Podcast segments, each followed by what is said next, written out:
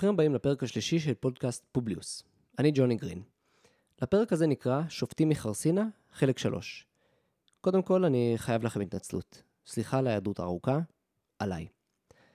כמו שהבטחתי, את הפרקים הראשונים אקדיש לסדרת שופטים בשר ודם של נפתלי גליקסברג בהפקת כאן 11. ועל כן הפרק הזה יעסוק בפרק השלישי בסדרה, שכותרתו בשם הביטחון. השם שופטים מחרסינה הוא בהשראת עינב שיף מעיתון ידיעות אחרונות. הפרק שלנו עוסק בפרשיות ביטחוניות שונות ובהליכים המשפטיים סביבן.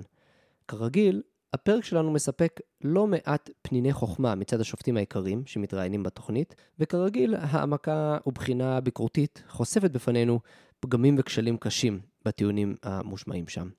אני רוצה להשמיע לכם קטע קטן, סוג של אה, טיזר, ממש לא מתוך הפרק, אה, שאולי חלק מכם אה, תזהו אותו. אז הנה.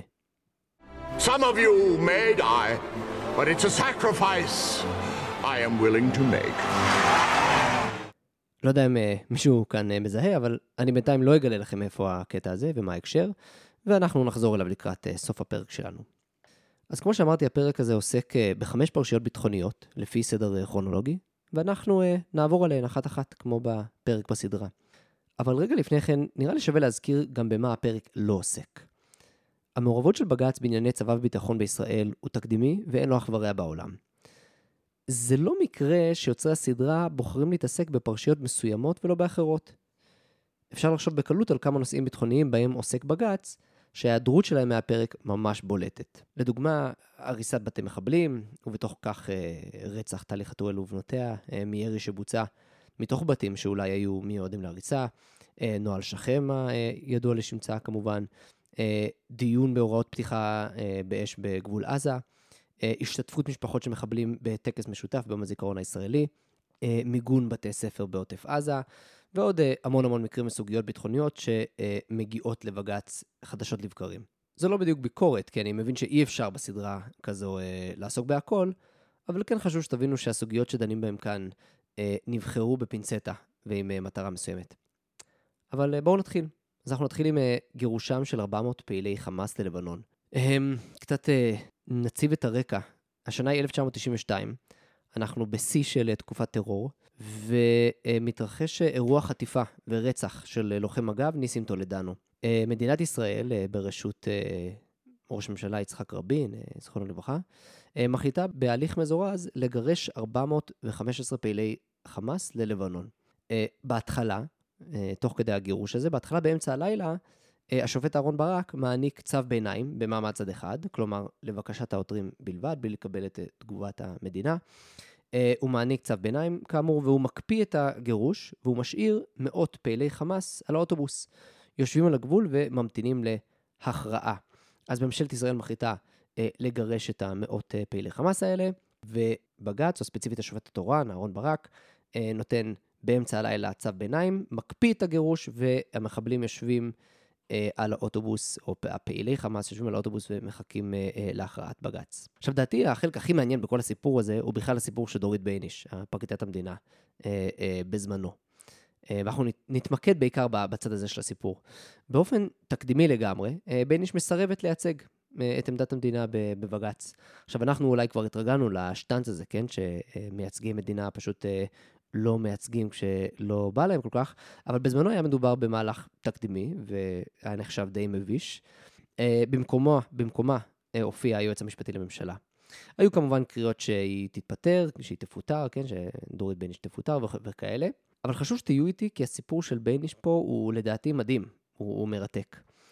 אז אה, בואו בוא נגיד בכל זאת מילה על הפרקטיקה עצמה של לסרב לייצג, למרות שזה לא בדיוק המוקד כאן. אז אה, בייניש מסבירה לנו בפרק, אני מצטט אותה, היא אומרת, יש מצבים שאם אתה ממלא תפקיד, לדעתי אין ברירה. או שאתה ממלא את התפקיד כמו שאתה חושב שהוא מחייב, אם לא, אתה לא יכול להישאר. סוף ציטוט מבייניש, אתה לא יכול להישאר. עכשיו, אפשר היה להסיק ממה שהרגע אמרה, כן, אה, וגם לפי כל נורמה מקובלת במדינה מתוקנת, שבייניש הייתה אמורה להתפטר מהתפקיד שלה ולפנות את מקומה למי שכן אולי מוכן למלא את התפקיד שלו או שלה. כלומר, מה המשמעות של המילים "אתה לא יכול להישאר"? למה בדיוק בייניש מתכוונת כשהיא אומרת את זה? מה התרחיש שלדעתה אה, פרקליט אה, מדינה לא יכול להישאר, כלומר הוא מתפטר, אם לא המקרה הזה שמתואר כאן. אז זה לא כל כך ברור למה היא מתכוונת. כמובן שעל אף הציטוט הזה, בייניש אה, מחליטה שלא להתפטר, כלומר, היא לא בדיוק נדבקת לרעיון הזה של אתה לא יכול להישאר. אה, היא נשארת, אה, אבל היא בכל זאת מסרבת לייצג את המדינה. אגב, סתם ככה, מרגיש שפרקליט מדינה שמחליט כן להישאר בתפקיד, אבל לא לייצג את המדינה, אה, יש לזה שם, קוראים לזה שביתה איטלקית. בייניש, אה, פרקליטת המדינה בייניש עושה סוג של עיצומים. אה, היא קמה בבוקר, מתלבשת, מגיעה למשרד הממשלתי שלה במימון כספי הציבור, היא מעבירה כרטיס עובד, היא מתיישבת על הכיסא המרופד, ואז היא פשוט מסרבת לבצע את התפקיד שלה. אז הנה ב-1992 בייניש, כן, פרקליטת המדינה, דורית בייניש, משרישה את הנורמה הפסולה, אפילו הבזויה הזאת של משרתי ציבור, שנאחזים בתפקיד שלהם, על אף שהם לא מוכנים לבצע אותו. עכשיו, באמת, כל זה בסוגריים, אנחנו עוד שנייה נגיע לתכלס, אבל אתה חייב לשאול את עצמך, מה עבר לדורית בייניש בראש כשהיא קיבלה את תלוש המשכורת שלה בסוף חודש דצמבר, דצמבר 1992? אני רוצה לדמיין אותה שנייה, פותחת את המעטפה ומסתכלת על השכר המכובד שנכנס אל חשבון הבנק. היא הרגישה שהצדיקה את השכר שלה? הרי היא סירבה במוצהר ובהפגנתיות לבצע את התפקיד הראשי שבשבילו משלמים לה, שזה ייצוג המדינה בערכאות, היא פרקליטת המדינה. אז כן, אני לא יודע, כן, אפשר לדון לכף זכות, אולי היא סירבה לקבל שכר עבור אותו החודש. אולי אמרה להם, אה, שמעו, אמנם לא התפטרתי מהתפקיד, אבל די ברור שגם לא עשיתי את התפקיד אה, העיקרי שבשבילו אתם משלמים לי, אז החודש תנכו לי אה, חצי מהשכר. איכשהו יש לי תחושה שזה לא מה שקרה. אבל חכו, זה לא אפילו העניין, זה... עכשיו אנחנו מגיעים לחלק המעניין באמת. מה הטיעון כאן של בייניש? למה בייניש לא מוכנה לייצג את המדינה בעתירה הזאת, בהחלטה שלהם לגרש את פעילי החמאס? אז היא לא מפרטת לנו יותר מדי, כן? אני מביא ציטוט ראשוני שלה, היא אומרת, אי אפשר, זה לא עומד מבחינה משפטית. יהושע שופמן, שהוא מהאגודה לזכויות האזרח, הוא גם מרואיין בפרק, הוא אומר, היא לא התנגדה לעיקרון, היא הודיעה שזה לא חוקי. סוף ציטוט. משמע, הוא בעצם מסביר שזה לא עניין אידיאולוגי, הוא לא אמרה שזה דבר שהיא מתנגדת לו ברמת העיקרון, היא פשוט משפטית, זה דבר שהוא בלתי ניתן לעשייה. אה, לב העניין, אני חושב, הוא הציטוט של בייניש, או שהיא מסבירה, היא אומרת, הגירוש לא היה לפי החוק בשום מובן, שלוש נקודות, ואז היא אומרת, אי אפשר להגן על זה. אמ, בעצם, איך שאני מבין, מבין אותה, דורית בייניש אומרת, יש כאן משהו שכביכול, כן, מתנוסס מעליו דגל שחור, כן? זה סוג של המקבילה של אה, פקודה בלתי חוקית בעליל וכולי. אה, זה חשוב, כי בייניש לא אומרת, יש כאן מצב משפטי מורכב, יש צדדים לכאן ולכאן, היא לא אומרת, הפרשנות של הממשלה לא נראית לי, אני נוטה יותר להסכים עם הפרשנות של העותרים, לא. היא אומרת, העמדה של הממשלה היא בלתי ניתנת להגנה, היא indefensible.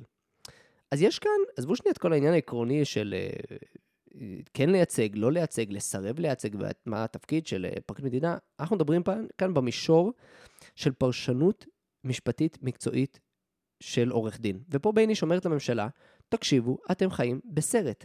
זה לא שיש לכם case חלש, זה לא שיש כאן אה, מצב משפטי מורכב, ואני נוטה שלא להסכים עם העמדה שלכם. אה, לא. בייניש פה אומרת, אין שום דרך בעולם שמשפטן עם טיפה ידע ומקצועיות ויושרה מאשר את מה שאתם עושים. ואת מה שאתם רוצים לעשות. ואז מה מתברר? וזה החלק החשוב, ואני מקווה שאתם, אה, שאתם במתח ושאתם איתי. אז קודם כל, אה, לעניין הצו ביניים, אה, השופט שמגר, נשיא בית המשפט העליון, בכלל חושב שהפעילה, שהפעולה היא חוקית, כן? וזה עולה בפרק, בראיונות.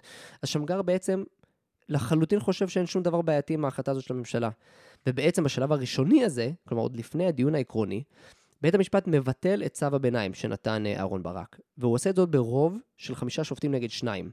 והוא מאפשר למדינה קודם כל לגרש את המחבלים. כלומר, הוא מבטל את צו ההקפאה, הוא אומר, תגרשו את המחבלים, ואז אנחנו נמשיך לדון בעתירה. עכשיו, לאחר מכן, בדיון העיקרי, בדיון העיקרי, כלומר, שבאמת דנו בעתירה, בהאם החלטת הגירוש הייתה חוקית או לא חוקית וכולי, יש לך בעצם אה, אה, אה, יש לנו שלושה שופטים שחושבים שזה לא חוקי, וארבעה שופטים שחושבים שזה כן חוקי. אז כבר יש רוב לשופטים שזה כן חוקי.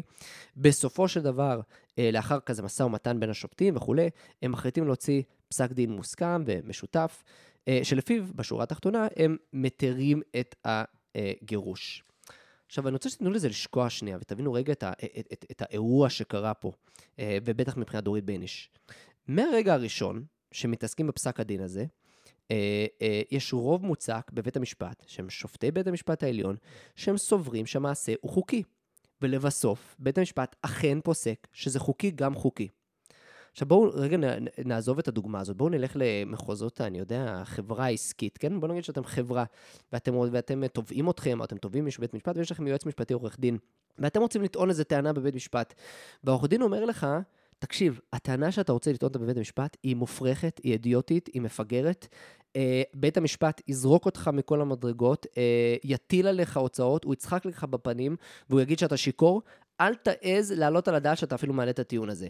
עכשיו אתה, בצניעותך, אומר, תשמע, נשמע לי קצת, אה, לא מבין למה אתה אומר את זה, דעתי זה טיעון ממש בסדר גמור, ואני אכן רוצה לטעון אותו, ונגיד אתה, אתה חברה עסקית, אתה מביא second opinion, אתה מביא עורך דין אחר, והוא אכן טוען את הטענה הזאת, ואז מה קורה?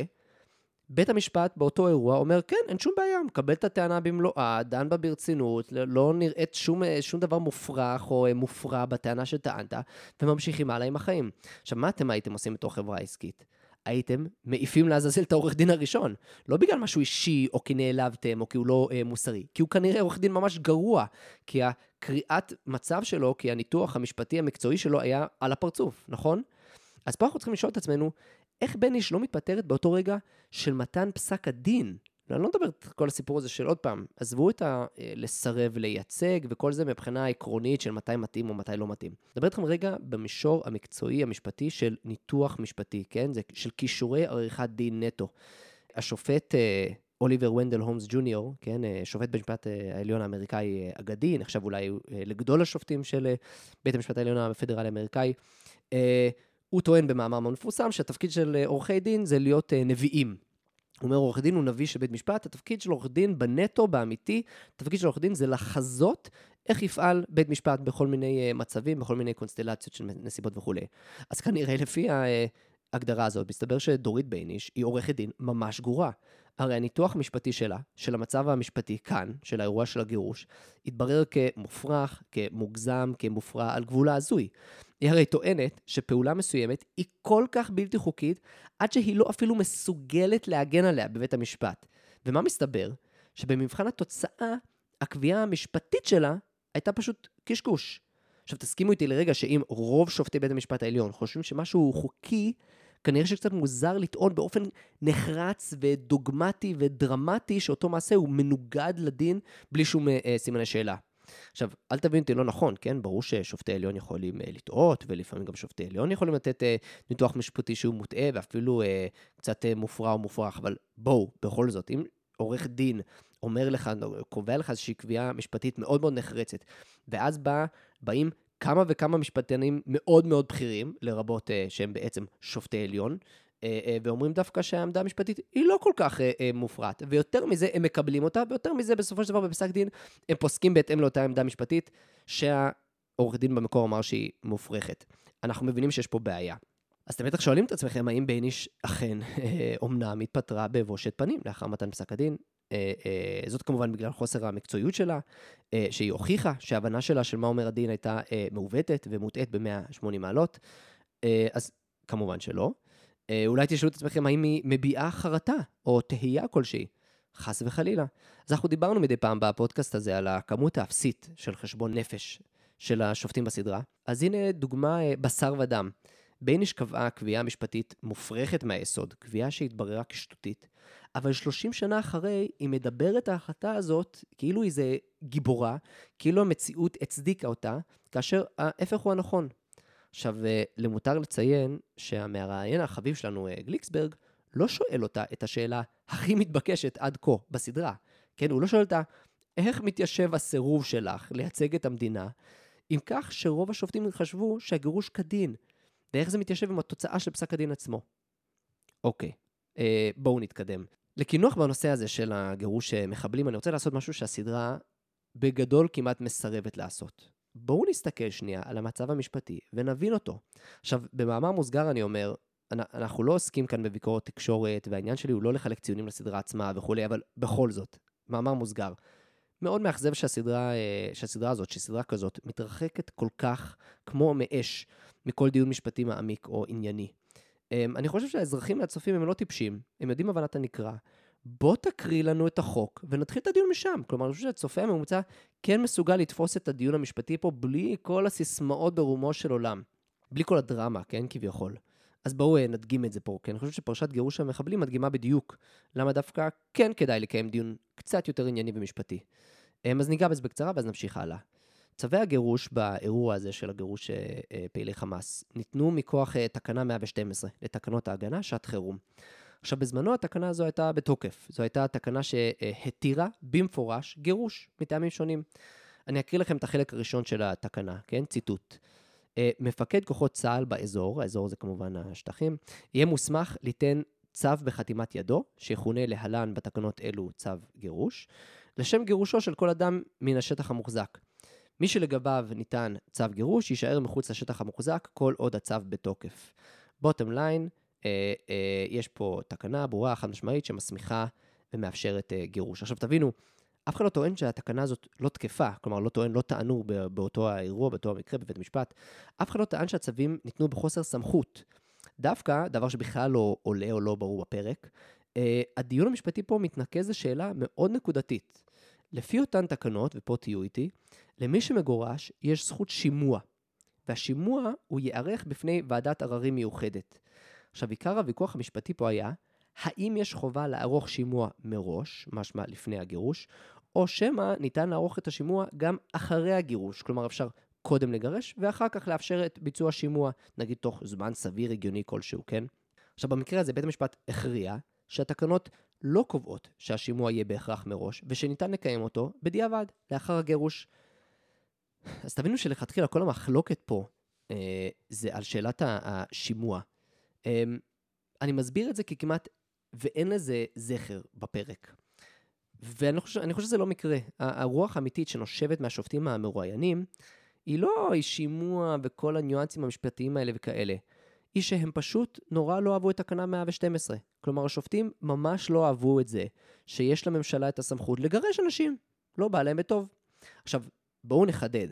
גם אני לא אוהב את הרעיון שיש לממשלה את הסמכות הזאת. אני לא אוהב את הרעיון שהממשלה יכולה לגרש אנשים לפי צו, אני חושב שבזה בעייתיות מאוד גדולה. אפשר לדבר על שיקולים ביטחוניים כאלה ואחרים, אוקיי, אבל זו דעתי. אבל דעתי האישית, בעד או נגד תקנה כזו או אחרת, היא לא דעה משפטית. משפטית, בזמן פסק הדין, התקנה הייתה קיימת, היא הייתה בתוקף, וניתנו צווים מכוחה בסמכות וכדין. אז מה שאנחנו באמת רואים בהתנהלות כאן של חלק מהשופטים אה, בכתבה ובשיחה בסדרה, וגם של בייניש כמובן, אה, פרקליטת המדינה, הוא חוסר יכולת טוטאלי להבחין בין הדעה האישית שלהם בעד או נגד קיומו של חוק מסוים, לבין דעה משפטית לגבי המצב המשפטי הקיים. כלומר, מבחינתם, מבחינת המרואיינים כאן, אין הבדל בין אני לא אוהב את המעשה הזה, אני לא אוהב את ההחלטה הזאת, לבין המעשה הזה לא חוקי. הם לא מסוגלים אה, אה להבחין ביניהם, או שהם לא רוצים להשלים עם זה שיש פער בין מה שהם אוהבים לבין מה שחוקי. עכשיו, בהקשר הזה, כשראיתי את הקטע הזה, ישר חשבתי על אה, ציטוט מצוין של השופט ריצ'רד פוזנר, השופט הנודע, במאמר אה, ביקורת שלו כלפי התפיסה השיפוטית של אהרן ברק. אה, אגב, המאמר, תרגום המאמר הזה נמצא גם באתר שלי, פובליוס, זה נקרא רודן נאור. והנה הציטוט, אני מצטט, של ריצ'רד פוזנר. בבית משפט תחת מרותו של ברק, יהיה קשה מאוד לדעת אם אודות אי חוקתיות של חוק, הינה יותר מאשר דעתם האישית של, של השופטים, כי החוק הוא מטומטם. משמע, הם לא היו מצביעים בעדו, לו היו מחוקקים. כלומר, במילים אחרות, ריצ'רד פוזנר אומר פה, אה, ב, כן, בבית המשפט של ברק, אי אפשר לדעת מתי שופט פוסק נגד משהו כי זה באמת לא חוקי, או כי פשוט, אי, אה, לו הוא היה מחוקק או חבר בממשלה, הוא היה מצביע נגד. אה, ואני חושב שהמקרה הזה ממחיש את זה מצוין, כי פה אנחנו רואים ממש בבירור איך שהשופטים פשוט לא מבחינים בין משהו שהוא לא חוקי, לבין משהו שפשוט לא היו מצביעים בעדו, אילו היו חברי כנסת או חברי ממשלה. אבל אה, חפרנו, אז בואו נמשיך. אה, נקצר קצת יותר בפרשיות הבאות. אז הפרשייה הבאה, הפרשייה הבאה היא בעצם זו של אה, קלפי המיקוח. הרקע הוא ההיעדרות של נווט חיל האוויר, רון ארד, הידוע. צה"ל עוצר עשרה אזרחים לבנונים, וזאת כדי שישמשו קלפי מיקוח במשא ומתן לאתר ולשחרר את רון ארד, יחד עם שבויים ונעדרים אחרים. אני חושב שאתם אה, מבינים את הקונספט, כן? קלפי מיקוח, הכוונה היא של אה, לחטוף או לעצור אזרחים לבנונים מסוימים, כנראה אנשי מפתח בארגונים, או אנשים בעל ערך, או לא יודע מה, ורעיון הוא שזה יכול אה, להיות אה, מנוף לחץ אה, וכולי, אה, במשא ומתן עם כל מיני גופים, ארגונים ואנשים שאולי יודעים דבר אה, אה, אודות אה, רון ארד, או אולי אה, מחזיקים בו וכולי. אז אותם אה, עצורים אה, לבנונים אה, הוחזקו במעצר מינהלי, מכוח חקיקת שעת חירום, וזה אומר בעצם שהם לא נעצרו בהליך הפלילי הרגיל של חשוד בעבירה ועם עילות מעצר וכל מה שמקובל בדרך כלל במשפט הפלילי. ולפי החוק, כל חצי שנה צריך לחדש את המעצר. כלומר, כל חידוש מעצר כזה בעצם, בעצם מגיע בסופו של דבר לערעור אצל בית המשפט העליון. וזה הקשר שלנו בעצם לבית המשפט העליון. עכשיו, אני אקדים ואומר, לפני שיש פה, לפני שאנחנו צוללים פנימה, יש פה אה, שאלה משפטית שהיא לא מופרכת. יש פה שני צדדים אה, אה, לעניין וזה מורכב. לשון החוק קובע ששר הביטחון יכול להורות על מעצר כזה כאשר, ציטוט, טעמי ביטחון המדינה או ביטחון הציבור מחייבים זאת, כן? סוף ציטוט. זה מונח המפתח, כן? כאשר טעמי ביטחון המדינה או ביטחון הציבור מחייבים זאת. ולב הדיון המשפטי כאן הוא האם ניתן להחזיק במעצר מישהו שהוא בעצמו לא מהווה סיכון לביטחון המדינה. כלומר, זה לא שהוא בעצמו אישית מהווה סיכון, אלא ששיקולים רחבים יותר של ביטחון המדינה תומכים במעצר שלו. אני חושב שזו שאלה לא טריוויאלית. כן חשוב להדגיש שלשון החוק לא דורש שהעצור יהווה בעצמו סכנה לביטחון המדינה. כלומר, מבחינת לשון החוק, כן, שחור לבן, לא כתוב את זה, שזה תנאי, כן, שהמעצר הוא מותנה בזה שאותו אדם שנעצר חייב להיות זה שמסכן את ביטחון המדינה או משהו כזה. אה, ואכן, אה, אה, במשך שנים, בית, בתי המשפט, גם במחוזי וגם בעליון, הם דחו עתירות בעניין המעצרים הללו.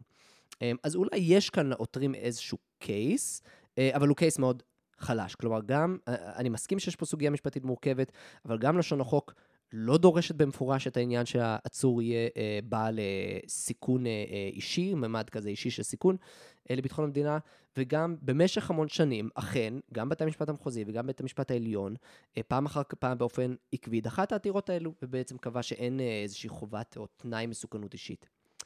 ואז מגיעה השופטת דורנר בערעור בעליון, והיא קובעת בדעת מיעוט שהמעצר הוא דווקא לא חוקי. אמ, אבל בגלל דעת המיעוט שלה, אה, אה, הערעור הזה מתגלגל לדיון נוסף. ולבסוף ניתן פסק דין, אה, לפיו רוב המעצרים אינם חוקיים, וניתן לעצור רק מי שיש לו מסוכנות אישית. זה פסק הדין, עד כאן הרקע. עכשיו, בפתח דבריה, דורנר, השופטת דורנר, מביאה יופי של ציטוט. היא אומרת, בית המשפט יאבד את אמון העם אם הוא ישפוט לפי רוחות השעה. עכשיו, מה שמדהים אותי כאן הוא שזה בדיוק מה שקורה. השופטת דורנר פוסקת לפי רוחות השעה. אה, אלו פשוט רוחות השעה שנושבות במסדרון בית המשפט העליון ובגבעת רם. הרי לשון החוק לא מגדיר בשום אופן שעצור חייב להיות סכנה אישית ולהוות סכנה אישית.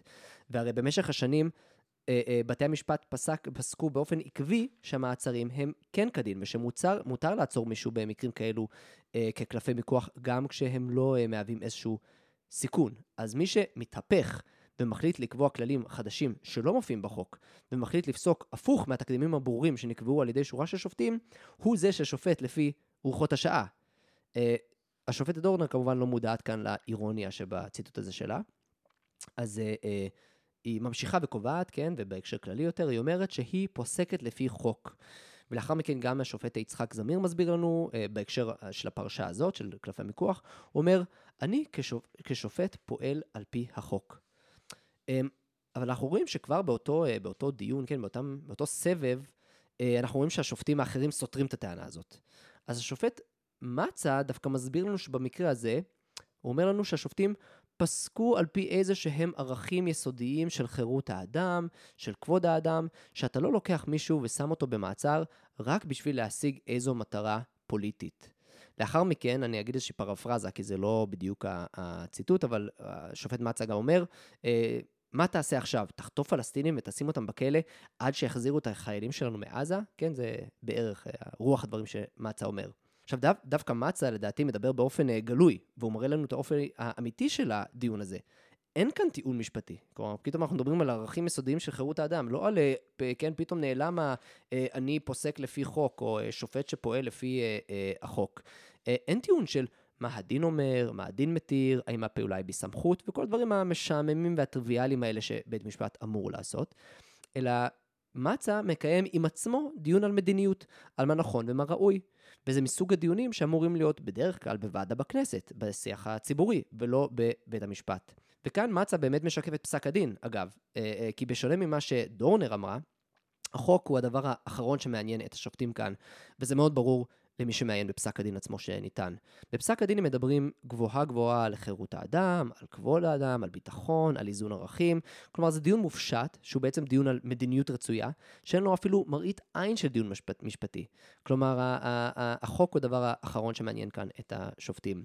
אגב, באמת קשה לפספס את הזלזול אצל מצה, אצל השופט מצה, כשהוא אומר, מטרה פוליטית, כן? הוא אומר, אה, לשים מישהו מעצר רק בשביל להשיג איזו מטרה פוליטית. אה, אה, הרי להחזיר נווט קרב שנלקח בשבי הביתה, זו מטרה פוליטית. אה, אותו עיוורון מוביל לכך שכל הדיבור על הזכות לכבוד והזכות לחירות וכולי, לא מופנה בשום שלב כלפי רון ארד, או שבויים ונעדרים. כלומר, אפילו בדיון הפסודו-המשפטי הזה, רון ארד, ובעצם הצד הישראלי, לא זוכה ליהנות מהזכות לכבוד והזכות לחירות. זה לא נכנס לשיקולים, כנראה כי הם רק מטרה פוליטית. כלומר, אני רוצה שתבין את החלוקה המלאכותית הזאת, כאילו של ה... אה, לקלפי המיקוח, כן, לאזרחים הלבנונים העצורים, יש זכויות, אה, שם זה שאלה של ערכים יסודיים של חירות האדם וכולי, אבל אה, להציל, כן, להביא את רון ארד או את הנעדרים ושבויים האחרים, זה רק מטרה פוליטית. אנחנו כבר לא מדברים על הזכות שלהם או משהו כזה, כן? שתי נקודות אחרונות בהקשר פרשת קלפי המיקוח, ואז אנחנו נתקדם. נתקדם. קודם כל, אה, פסק הדין הזה ממחיש, אני חושב, את אה, נפלאות הפרשנות התכליתית האובייקטיבית של אה, אהרן ברק. אנחנו לא, זה לא הנושא שלנו היום, אנחנו, אנחנו לא נדבר היום על פרשנות, אז רק כמה מילים. פרשנות תכליתית אובייקטיבית היא שיטת פרשנות ייחודית לישראל, כחול לבן, שהיא הומצאה בליבו של אהרן ברק, והיא מאפשרת לשופט להתעלם לחלוטין מלשון החוק ומהכוונה המקורית שלשמה חוקק החוק, חוקק החוק, ובמקום זאת הוא כופה על החוק תכלית שהיא כביכול אובייקטיבית, במרכאות אני אומר אובייקטיבית. כלומר שהיא התכלית הכלתי, הכללית של השיטה הדמוקרטית. במילים אחרות, זו כל תכלית שנראית אה, אה, אה, לשופט כמתאימה באותו הרגע. אנחנו באמת לא, לא, לא צוללים לשאלת הפרשנות תכליתית אובייקטיבית, זה לא הנושא היום. עכשיו, למה זה מעניין כאן? אז בואו נראה מה יש לשופט ברק לומר על חוק המעצרים, שעומד במרכז פרשת אה, קלפי המיקוח, מתוך אה, פסק הדין. אז עוד פעם, חוק המעצרים זה החוק אה, שמסמיך את ביצוע אותו מעצר בשביל שיקולים של ביטחון המדינה וכולי. אמ, אז קודם כל, השופט ברק קובע שהחוק דווקא בפירוש לא דורש שהעצורים יהיו בעצמם מסוכנים. כלומר, הוא דווקא קודם כל שולל את הטענה שיש פה חובת מסוכנות אישית של העצורים. והנה הציטוט של ברק, אני מצטט ברק. במישור הלשוני, הדיבור ביטחון המדינה הוא רחב דיו כדי לכלול בחובו גם מצבים בהם הסכנה לביטחון המדינה אינה נובעת מהעצור עצמו, אלא מפעול, מפעולתם של אחרים, אשר עשויה להיות מושפעת ממעצרו של אותו אדם. אין כל דבר בדיבור ביטחון המדינה, בו עצמו, שיש בו כדי להצביע במישור הלשוני, כי העצור הוא עצמו מהווה סכנה לביטחון המדינה. אוקיי, אז סוף ציטוט, סליחה, זה היה ציטוט ארוך של אה, ברק, אבל בעצם הוא מבהיר בצורה הכי גלויה ומפורטת, אה, מפורשת שיש, שבחוק עצמו, כפי שנהוג להבין מילים בשפה העברית, אין פה שום דרישה שמי שיהיה עצור, הוא בעצם הוא זה שמסכן את ביטחון המדינה, אלא ניתן גם לעצור אה, גם משיקולים רחבים יותר של ביטחון המדינה. עכשיו, לא רק זאת, אלא ברק, השופט ברק גם מבהיר שמבחינת התכלית החוק הרגילה, אין הצדקה לטענות העותרים. כן, אז עוד פעם אני אתן את הציטוט של אהרן ברק, או ציטוט נוסף של אהרן ברק. אין למצוא כל בסיס בדברי הכנסת לגישה כי הכנסת ביקשה, הלכה למעשה, כעובדה היסטורית, להגביל את תחולת החוק רק למעצרם של אנשים אשר מהם עצמם נשקפת סכנה לביטחון המדינה. אז בעצם ברק אומר לנו, התכלית ה, אה, במונחים שלו הסובייקטיבית, כן, התכלית האמיתית או המקורית של החוק, כלומר כשבאו המחוקקים לחוקק את החוק הזה, אין שום אינדיקציה שהם רצו שיהיה איזשהו תנאי כזה של אה, מסוכנות אישית, שעצורים תמיד יהיו אה, מסוכנים ברמה האישית. אה, אז במילים אחרות ברק אומר לנו, לפי החוק, כפי שהוא קיים כרגע, לצה"ל מותר לעצור את האנשים הללו כקלפי מיקוח. עד כאן הטיעונים המשפטיים. אממה, יש לשופט ברק את הקלף החזק מכולם. יש לו את הג'וקר, את התכלית האובייקטיבית. עכשיו, ברק אומר לנו, מהי תכליתו האובייקטיבית של חוק המעצרים? ככל שהדבר נוגע לבעיה הניצבת בפנינו. התשובה, התשובה הינה כי תכלית זו היא כפולה. מחד גיסא שמירה על ביטחון המדינה, מאידך גיסא שמירה על כבודו וחירותו של כל אדם. סוף ציטוט של אה, אהרון ברק.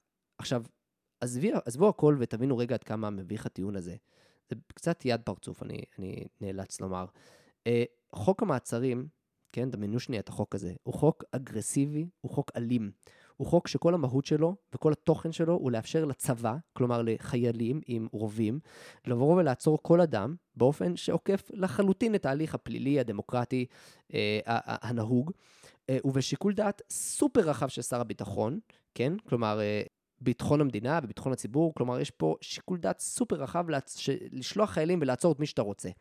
אין פה חזקת חפות, אין פה עילת מעצר, אין פה את רוב ההגנות בדרך כלל שיש בחברה אה, חופשית מפני, אה, הפעלת, אה, אה, מפני הפעלת כוח אלים על ידי השלטון. זה חוק אה, מפחיד, שעצם קיומו צריך להטריד כל אדם בחברה חופשית. עכשיו, אני לא נכנס לשאלה האם במציאות הישראלית החוק הזה הוא מוצדק, הוא לא מוצדק, הוא רע הכרחי, הוא רע במיעוטו, עזבו שנייה. אה, נבין שבאופן עקרוני, חוק כזה הוא חוק אה, אה, קשוח. אני מתאר כאן את החוק בחריפות, כדי שתבינו כמה זה מופרע לומר שלחוק הזה יש תכלית אובייקטיבית של כבוד האדם וחירותו של כל אדם. עכשיו, לא, חירות האדם היא פשוט לא חלק מהתכלית של החוק הזה. אני, מקדיש, אני, אני מדגיש את זה כאן כדי שתבינו עד כמה אפשר לעקם את התכלית האובייקטיבית של ברק, עד שאפשר לומר שיום הוא לילה ולבן הוא שחור. עכשיו בטח, אה, אני יודע, שמעתם על אה, חוק עונש מוות למחבלים, כן? אה, שמדי פעם יש הצעות כאלה שעולים מדי פעם לכותרות. עכשיו בואו נגיד שאביגדור ליברמן מצליח להעביר חוק כזה, כן? גם עליו, לפי ברק, ניתן לומר שתכליתו האובייקטיבית הוא חוק האדם. כן, בטח, סליחה, הוא כבוד האדם. בטח גם אה, אה, אה, לחוק עשיית דין בנאצים ועוזריהם יש תכלית אובייקטיבית של זכויות אדם, נכון? אני אומר את זה כמובן בציניות. אני מביא את הדוגמאות האלה כדי שיהיה ברור עד כמה הזוי לומר שחוק מעצרים מנהליים הוא בעל תכלית אובייקטיבית של, כל, של כבוד, אה, כבוד וחירות. אה, בחייאת דינק הוא לא.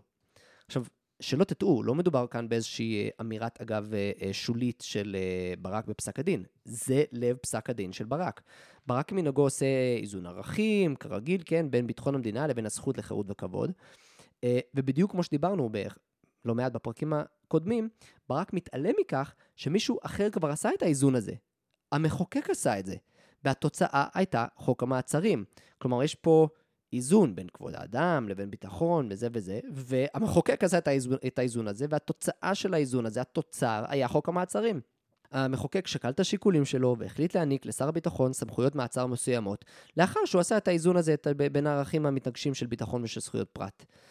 לשופט ברק אין שום יתרון משפטי, מקצועי, ערכי, מוסרי, שבגללו האיזון שברק עושה הוא מוצדק יותר, או מוסרי יותר, או לגיטימי יותר, מהאיזון שנבחרי הציבור כבר עשו, כשהם חוקקו את החוק הזה. אז אחרי כל הפלפולים, ברק בעצם אומר שהחוק אומר X, החוק מתיר את המעצר לצורך מיקוח עם האויב. אממה, ברק פשוט לא אוהב את החוק, הוא לא מחבב את הדין כמו שהוא.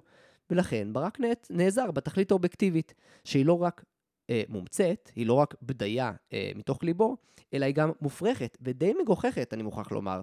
אה, אה, אה, התכלית האובייקטיבית, האובייקטיבית הזאת, לפיה יש לחוק המעצרים גם תכלית של כבוד האדם וחירות האדם וכולי. ולכן, טוען אה, אה, אה, ברק, שופט ברק, ככה הטיעון שלו, הזכות לחירות ולכבוד גוברת על האינטרס של ביטחון המדינה במקרה הזה, והתוצאה היא שאסור לעצור אנשים ללא מסוכנות אישית ורק לצורכי מיקוח. כל זה בא ללמדך, כן? אני, סליחה לרגע למסגר את כל הדיון הארוך הזה. אה, כל זה בא ללמדך, כמו ההערות של השופט מצה, שמתקיים כאן דיון שהוא פוליטי, הוא לא משפטי. יש פה ויכוח על מדיניות, על ערכים, על מה נכון וראוי ופסול ואסור, וכאן בית המשפט פשוט כופה את עמדתו בוויכוח הזה, בלי שום קשר למקצוע של השפיטה ולפרופסיה שנקראת אה, משפטים. אז לסיכום הנושא הזה, אה, מחובתי להזכיר את מה שהסדרה מתעלמת ממנו אה, לחלוטין. לסיפור הזה היה פרק המשך, די גדול ומשמעותי, אה, שאין לו זכר בסדרה של כאן 11.